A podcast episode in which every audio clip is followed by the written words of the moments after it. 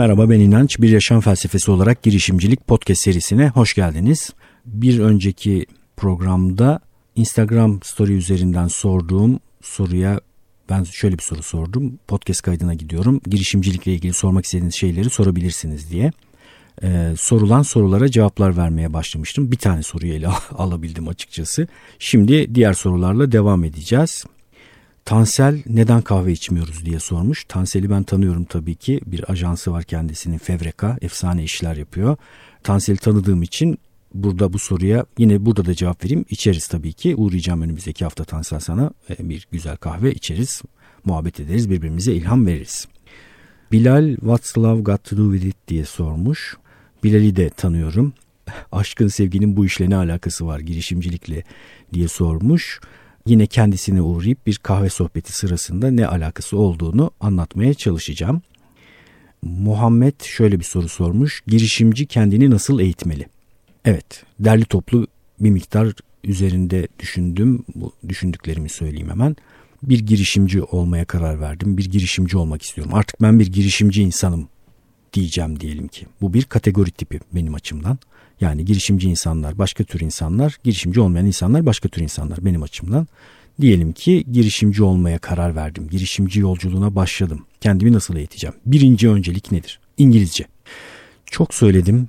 Hiç söylemekten de gocunmayacağım. Bu dünyada bir insanın öğrenmeyi seven, kendini geliştirmeyi seven bir insanın kendine yapabileceği en büyük iyilik İngilizce öğrenmek. İngilizce öğrenmekle ilgili neler söyleyebilirim? Zor bir iş. İngilizceyi öğrenmek için İngilizce öğrenmek çok altından kalkılısı bir iş değil. Yani İngilizce kendi başına tek başına bir amaç olmamalı. Zor. Kurslara giderek vesaire falan. Ben problem merkezli öğrenmeleri seviyorum. Yani kendi araştırma alanımızı öğrenmek üzere, kendi ilgi alanımızda okumalar yapmak üzere İngilizceyi geliştirmek daha iyi. Onun için biraz böyle ihtiyaç duydukça gramer çalışarak yani tabi belli bir altyapıyı da oluşturmanız lazım. Onu nasıl oluşturacağınızı kendiniz karar verirsiniz. Belli belki bir kur almak, iki kur İngilizce almak gibi olabilir. Yoğun bir şekilde bu işin içerisine dalmak lazım. Şu tarz işleri de seviyorum ben. Ee, mesela bir tane sevdiğiniz makaleyi, yazıyı, blog yazısını, sevdiğiniz bir e, stand-up olabilir. Ben mesela Louis C.K.'yi çok severim siz de çok seviyorsanız oturun bir tane stand-up'ını ezberleyin. Gerçekten ezberleyin. Bir tane stand-up'ının metnini oluşturun yavaş yavaş. Dinleme egzersizi de yapmış olursunuz ya da bir yerlerden bulun ee, ve bu stand-up bir saatlik, bir buçuk saatlik gösteriyi ezberleyin. Oradaki her kelimeyi öğrenin. Ee, bütün cümlelerini anlayabilecek hale gelin. Bu çünkü çok tarifli, sınırları olan küçük bir iş. Ama bunu yaparsanız yani bir tane metin, kısa metin olabilir. Bir tane film olabilir. Seinfeld çok severim. Seinfeld seviyorsanız bir tane bölümünü ezberleyin. Sadece o bölümdeki kelimeleri anlamaya çalışın, yapıları öğrenmeye çalışın. Bir tane böyle yazıyı ya da filmi ya da işte şovu, stand-up'ı çok iyi bir şekilde öğrenmek kendi başına tarifli, sınırları olan ve yapılabilir bir iş dediğim gibi. Bunu yaptığınızda çok ciddi bir ilerleme kat ettiğinizi göreceksiniz. Ben mesela böyle bir çalışma yöntemi tercih ederdim. Böyle baktığınızda çünkü okyanus gibi bir şey İngilizce. Neresinden başlayacağım? Zaten bütün öğrenme problemleri genelde burada tıkanır. Nereden başlayacağım? Nasıl hareket edeceğim? Yazılım öğrenmek de böyledir. Yazılım öğrenmeye çalışırsanız ilk probleminiz şudur. Nereden başlayacaksınız? Bir sürü programlama dili var, bir sürü yaklaşım var. Nereden başlayacaksınız? Nasıl gideceksiniz? Ben yine buralarda hep proje bazlı yaklaşmaya çalışıyorum. Mesela yazılım öğrenmeyi hedef olarak koyduğumda kendime yapacağım şey şu olacak. Kendime yazılımla ilgili bir proje tarif edeceğim. Bu bir mobil uygulama olabilir, bir web sitesi olabilir, bir servis olabilir. Sonra bir uzman yazılımcı arkadaşıma gideceğim. Diyeceğim ki tarif edeceğim uygulamayı. Böyle bir uygulama yazmak istiyorum. Bu uygulamayı yazmak için bir insanın neleri öğrenmesi gerekir diye soracağım. Hangi programlama dillerini öğrenmem gerekiyorsa öğreneceğim ve o şeyi üretirken o dili kullanarak öğrenmeye çalışacağım. Benim açımdan öğrenme böyle gerçekleşiyor. Böyle daha kolay olduğunu düşünüyorum. Yani birinci maddemiz ne yapın edin kendi öğrenme tarzınızı bularak ve gelişmenizi takip edebileceğiniz bir şekilde İngilizceyi öğrenin. Birincisi bu bence. Devam edelim. Girişimci kendini nasıl eğitmeli? Podcast'te ilk 10 bölümde özellikle bahsettiğim kavramları iyi anlamış olması bir girişimcinin önemli. Aktüel potansiyel nedir? İçsel odaklı olmak ne demektir? Ee, normal dağılım içerisinde meselelere bakmak ne demektir? özellikle bu konuları iyi öğrenmesi lazım bir insanın. Bir de öğrenme heveslisi bir insan olmalı. Yani yaşamının merkezine öğrenmeyi alması gerekir. Charlie Munger bunu söylüyor. Farnham Street Blue'unda e, yazılan yazılarda bundan çok bahseder. Naval bundan çok bahseder. Öğrenen bir insan türüdür girişimci insan. Çünkü başarısızlıklardan, e, çeşitli olaylardan, vakalardan, eylemlerin sonuçlarından sürekli bir öğrenme çıkarması gerekir. Yani girişimci açısından eylemlerin sonuçları önemli tabii ki ama başarısızlık da bir tür öğrenme ihtimali içerdiği için hoş geldin başarısızlık şeklinde yaklaşılır. Önemli olan ne öğreneceğinizdir. Onun için öğrenen bir insan olması gerekir. İngilizce meselesini de çözdükten sonra dünyada girişimcilik üzerine bir sürü blog, podcast ve kitap var. Bu alanlarda kaliteli düşünce üreten insanları takip etmesi gerekir. Bir sonraki önerim bir ekosistemin içerisine girmek faydalı olacaktır. Yani girişimci olan insanlarla yan yana geleceğiniz, birbirinize ilham vereceğiniz bir ağın içerisine girmek işinizi kolaylaştıracaktır girişimci gibi yaşayan, girişimci gibi düşünen, çeşitli girişimleri olan insanlardan destek alabilirsiniz. Bir sonraki madde bir şekilde bir mentor bulmak. Yani e, sizden deneyim olarak daha iyi olan birilerinden destek almak yine işinizi kolaylaştıracaktır. Sonra düşünce kalitesini arttırmaya yönelmeniz gerekir. Düşünce kalitesini arttırmanın yolda yine okumak, araştırmaktan ve vakalara bakmaktan geçiyor. E, farklı farklı girişimlere bakarak bu girişimler nasıl başarılı olmuş, onları başarılı yapan şey nedir bunu anlamaya çalışmanız gerekir. Bir tür tersine mühendislik yapmanız gerekir. Yani başarılı örneklere bakıp bunları geriye doğru sökerek onları başarılı kılan şeyleri bulmaya çalışmanız gerekir. Bir sonraki önerim hemen eyleme geçmek. Yani bir tür girişimi tarif edip kendi zaman ve mali bütçenize bakarak başarısız da olsa hiç önemli olmayacak bir şekilde eyleme geçip kategoriyi değiştirmeye hemen başlamanız gerekir. Bunları yaptığınızda zaten girişimci yolculuğuna başlamış oluyorsunuz. Zaten bu yolculuğun size tat verip vermediğini de keşfedeceksiniz bir süre sonra. Aşırı belirsizlikten hoşlanmıyorsanız, riskli durumlardan hoşlanmıyorsanız, çabalarınızın sonuçlarını bazen görmüyor olmak sizi çok ciddi sıkıntılara düşürüyorsa, düzenli maaş alıyor olmanın güvenli limanı özlemle arıyorsanız girişimci olmak zorunda değilsiniz demektir. Öyle bir insan türü olmak istemiyorsunuz demektir. E, bu da güzel. O zaman kendinize başka tür bir gelişim alanı tarif edersiniz ve orada devam edersiniz. Sorulara devam ediyorum. Ben sorumu mail ile sormuştum. Podcast'te yanıtını bekliyorum. Hemen mailden, mail üzerinden cevap veriyoruz. Erman bu soruyu sormuş. Daha önce e, bir e-posta göndermişti Erman. E, o e-posta üzerinden sorusuna bakalım. Evet, önce e-postasını hemen size hızlıca okuyayım. Merhaba, kolay gelsin. Teşekkürler, merhaba Erman. Sizi uzun zamandır dinliyorum ve önümü görmeme yardımcı olmanız için yazmak istedim. Bir karar noktasında demek ki. Ben bir spor salonu zincirinde özel eğitmen olarak çalışıyorum. Sistemimiz salona aylık kira ödeyip salondan, internetten ya da referans ile bulduğumuz kişilere saatlik spor yaptırmak. Bu saatleri paket fiyatıyla satmak. Bunu yapabilmek için şahıs şirketi kurdum. Hiç çevremin olmadığı bir yerde çalışmaya başladım. Yavaş yavaş insanlarla tanışmaya başladım. İlk aylar çok zor geçti. Bugün birçok gün pardon 12 saat salonda gezinip insanlara spor yaparken yardımcı oluyorum. 20 kişinin hareketini düzeltiyordum ki bunlardan 5'ine deneme dersini kabul ettirdim. Onlardan da birine az ya da çok bir paket satabiliyordum. Şu an 3 senemin içindeyim ve her sene bir önceki seneki kazancımı ikiye katlamayı başardım. Çok güzel. Yani şu an günün ortalama 10 saati ders yapıyorum. Aktif gelen 25 tane üyem var. Her şey yolunda gözüküyor. Fakat bu işteki risk çalışmanı engelleyecek herhangi bir şey olduğunda sakatlık veya hastalık gibi kazancının kesilmesi. Çünkü sürekli performans halinde olması lazım. Yani ders yapmayınca bir gelirin olmuyor. Benim size sorum şu olacak. Bu işin bir sonraki aşamasının ne olduğunu nasıl anlayacağım? Yani ders fiyatını yükseltmek ya da günde artık ortalama 12 saat ders yapmak mı sadece? Yoksa kendime bir yer açmak gibi daha büyük riskler almak mı? Örneğin bir logo yaptım, marka değerini yükseltmek istiyorum ama olduğum yer dersi verdiğim spor salonu bunun dışında bir şeyler yapabilmek için buradaki ders sayımı azaltıp kendime zaman yaratmam gerekir. Benim gibi saatlik eğitim veya hizmet veren kişilerin fiyat yükseltmek veya daha fazla çalışmak dışında bir sonraki aşaması nedir? Güzel. Bir kere kategoriye bakalım. Şu andaki e, Erman'ın kategorisi freelance kategorisi. Freelance kategorisi neydi? Sizin emeğiniz üzerinden ve şimdiki zamanda ürettiğiniz emek üzerinden para kazandığınız kategori.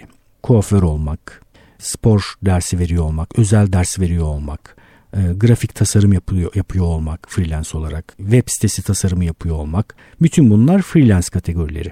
Yani iş ürettiğim sürece varım, iş ürettiğim kadar varım. Bir de tabii ki işlerim benim çabama bağlı.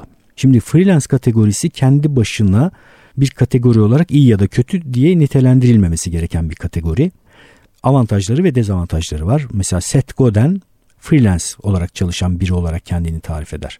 Daha önceki podcast bölümlerinde Seth Godin'in bu ayrımlarından bahsetmiştim. İşte freelance kategorisi, girişimci kategorisi diye. Temel ayrım noktası neydi? Şuydu. E, freelance kaldıraç içermeyen, ölçeklenebilir bir iş modeli değil. Yani bir freelance'in e, yıllık kazanabileceği para miktarı belirli. Freelance olmayan girişim kategorilerinde ise siz var olmadan da kendi başına e, size gelir getiren bir iş kurgusu yapıyorsunuz. Yani bir var olmayan çalışan bir makineyi var ediyorsunuz. O makine sizin dışınızda da ve sizin emeğinizden fazla bir gelir getirebiliyor. İşte böyle bir kurgu yaptığınızda freelance kategorisinden çıkıp girişimci kategorisine girmiş oluyorsunuz. Çünkü girişimci kategorisine girdiğinizde artık kendi emeğinizin ötesinde bir gelir elde etme avantajına sahip oluyorsunuz. Nedir girişimci kategorisi? Bir takım ürünler ortaya koymak, kitap yazmak, videolar çekmek, bir e-ticaret işine girmek. Erman özelinde konuşacak olursak mesela bir spor salonu açmak, spor salonu açtığınızda çünkü kendi emeğinizin dışında işleyen bir makine oluşturmuş oluyorsunuz. Oraya bir sürü e, eğitmenler alabilirsiniz ve o eğitmenler de bir takım insanlara dersler verirler. Spor salonuna üye olan üye miktarı zaten bir kişinin verebileceği ders ve kişi sayısından çok daha fazla olacaktır. Dolayısıyla girişim kategorisine girmiş olacaksınız. Freelance kaldığınızda kendi işinizi ve kazandığınız parayı nasıl büyütebiliyorsunuz? Premium hizmetler vererek, daha pahalı hizmetler vererek mesela bunu yapabiliyorsunuz. Spor özelinde konuşacak olursak e, şu an adını hatırlamadığım bir girişimci vardı İngiltere'de.